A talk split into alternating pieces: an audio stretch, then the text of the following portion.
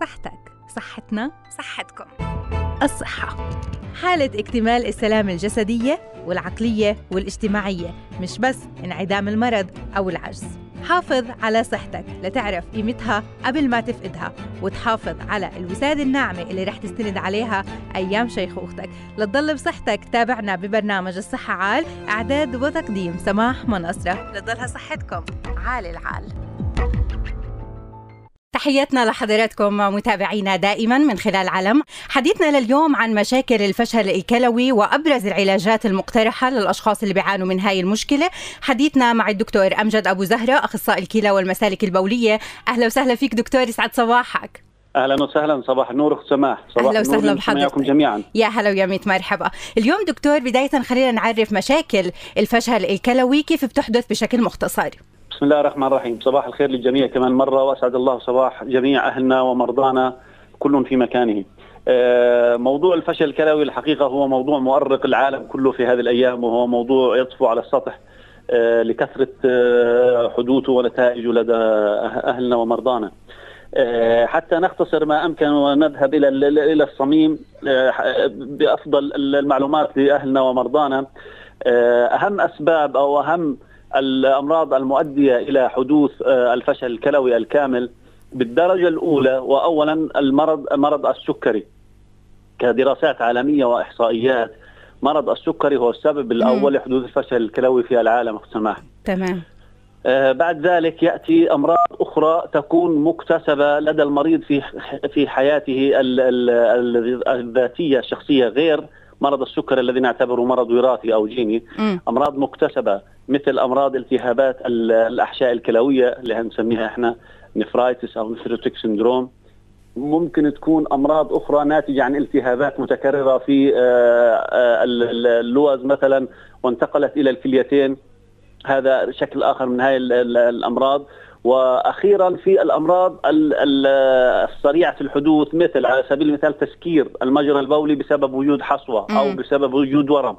إذا سكر المجرى البولي أغلق المجرى البولي الحالب أو ايا كان ولم تستطع لم تعد الكلية تستطع. هذا بيؤدي للفشل الكلوي بشكل سريع. بالضبط مم. هذا ال acute نسميه الحاد السريع خلال أيام. أها.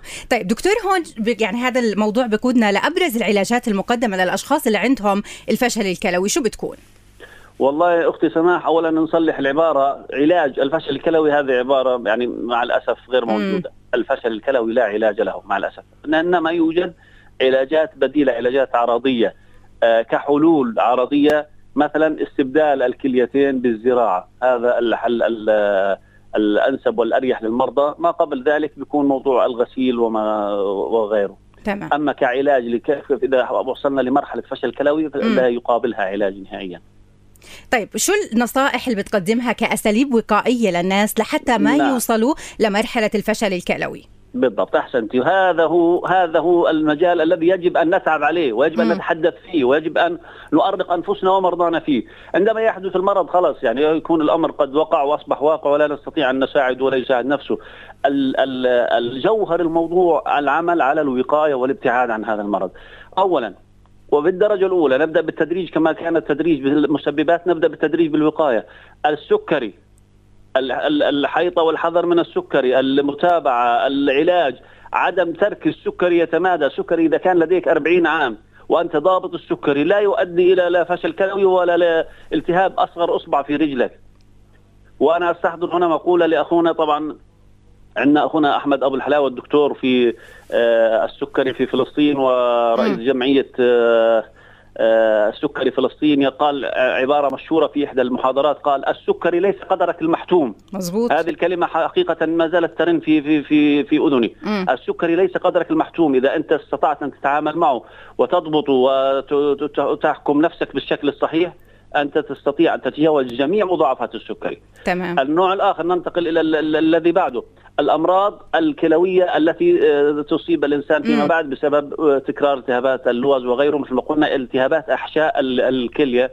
هذه الأمراض آه، حقيقة اللوم فيها قليل على الأهل أو على المريض لأن أولا تصيب في عمر صغير وثانيا أمراض خبيثة جدا حقيقة. يعني قد تصيب المريض تستفحل لديه ولا يستطيع أحد كشفه إلا صحيح. في المراحل المتأخرة. مزبوط لهيك إحنا اليوم حكينا بهذا الموضوع لأهميته إنه الفشل الكلوي إذا وصل له الشخص للأسف مثل ما تفضل المختص إنه ما في له علاج. فالأفضل دائما اتباع الأساليب الوقائية ومعالجة الأعراض من بدايتها. بدي أتشكرك دكتور يعطيك ألف عافية. شكرا لكل المعلومات اللي قدمت لنا إياها لليوم. الدكتور أمجد أبو زهره أخصائي الكلى والمسالك البولية يعطيك ألف عافية. إذا عجبكم البودكاست لبرنامج الصحة عال بإمكانكم متابعتنا لحلقاتنا المصورة من برنامج الصحة عال الرابط بالوصف أعلى الصفحة.